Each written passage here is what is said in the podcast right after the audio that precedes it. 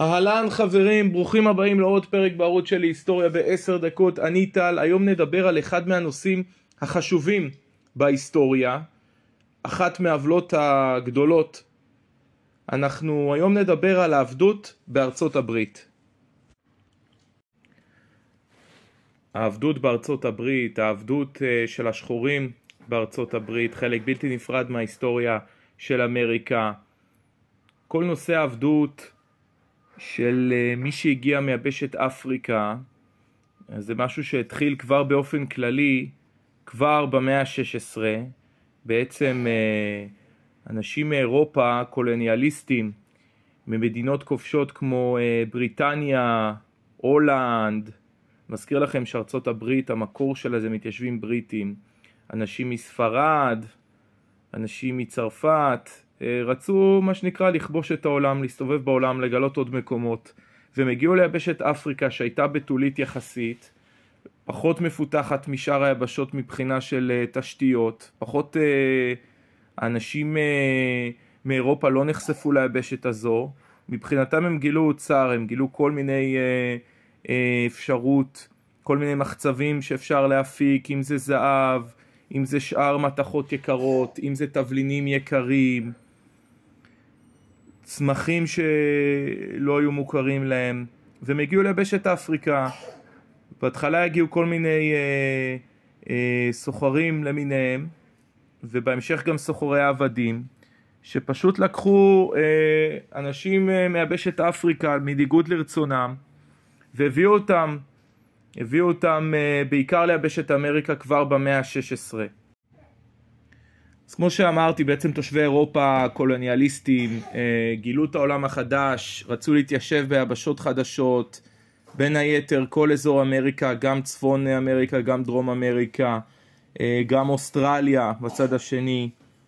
ולמה בעצם אה, השתמשו, למה בעצם אנשים נמכרו לעבדות? למה לקחו את המתיישבים מאפריקה? את המתיישבים השחורים ומכרו אותם לעבדות. מה הייתה הסיבה? אז אה, סיבה ראשונה היה איזשהו תירוץ דתי שכביכול עשו מעשה חסד לאותם אה, מתיישבים מאפריקה, הצילו אותם מהפגניות האפריקאית. ועוד סיבה שהתייחסו לאותם אנשים ככוח אדם זול, אנשים נחותים, אנשים שאפשר uh, לנצל אותם, שזה חלק מהרעיון הקולוניאליסטי שמותר לאנשים אה, מייבשת אירופה אה, להתייחס לשאר העולם כמגרש המשחקים שלהם. אה, וסיבה נוספת שהרבה מתיישבים שבאו מאירופה בפעמים הראשונות שהם התיישבו למשל ביבשת אמריקה שהייתה חדשה להם הם לא התרגלו בעצם למחיה, למזג אוויר והכל ולחיות ולצמחים שהיו שם. אז אה, חלק גדול מאותם מתיישבים מאירופה שהגיעו אה, ליבשת אמריקה לראשונה מתו מקדחת המלאריה. ואז הם היו צריכים אה, במקום אותם אנשים שמתו להביא כוח אדם זול, כוח עבודה זול שיעזור להם בעצם עם מה שקשור למחצבים החל מלהוציא זהב, מלגדל גידולים חדשים ובכלל להתיישב. הם היו צריכים כוח אדם זול שיעזור להם עכשיו אחרי שנגעתי קצת בפתיחה של סיפור העבדות של אנשים שהביאו אותם מאפריקה כדי להיות עבדים, אני רוצה להתייחס ספציפית לארצות הברית כי בכל זאת הפרק הוא על עבדות בארצות הברית. העבדות בארצות הברית התחילה מהמאה ה-17 עד לשנת 1865. משהו כזה. העבדים הגיעו לארצות הברית בצורה בלתי אנושית בעליל. הגיעו בספינות מאוד מאוד uh, צפופות ודחוסות. בעלי העבדים בארצות הברית היו לבנים עשירים בעיקר מאזור uh, דרום ארצות הברית. העבדים uh, זכו ליחס מזעזע, בין היתר הופרדו מהמשפחות שלהם. היו ממש חסרי זכויות אדם, התייחסו אליהם כרכוש שאפשר למכור אותו ומן הסתם גם מנעו מהם כל אפשרות לרכוש השכלה.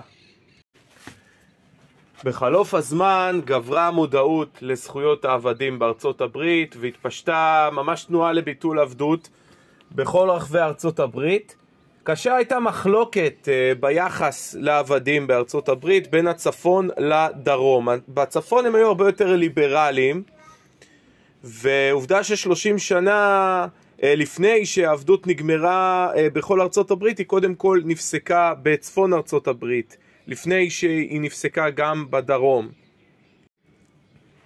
בכלל הייתה מחלוקת בין הצפון בארצות הברית לדרום לגבי היחס לעבדים.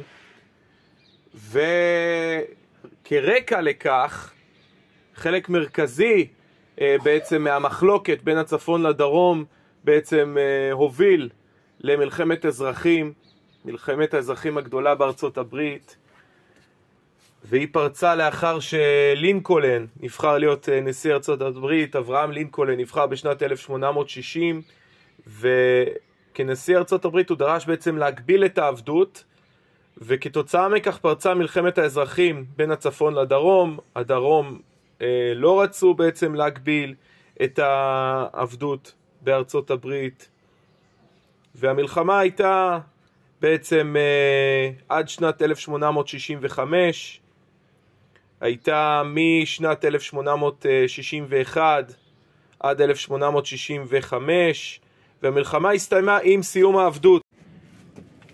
אז באמת אחרי המלחמה שארכה ארבע שנים, 1861 עד 1865, המלחמה הסתיימה, כמו שאמרתי, עם סיום העבדות, שאברהם לינקולן, נשיא ארה"ב, ביטל את העבדות.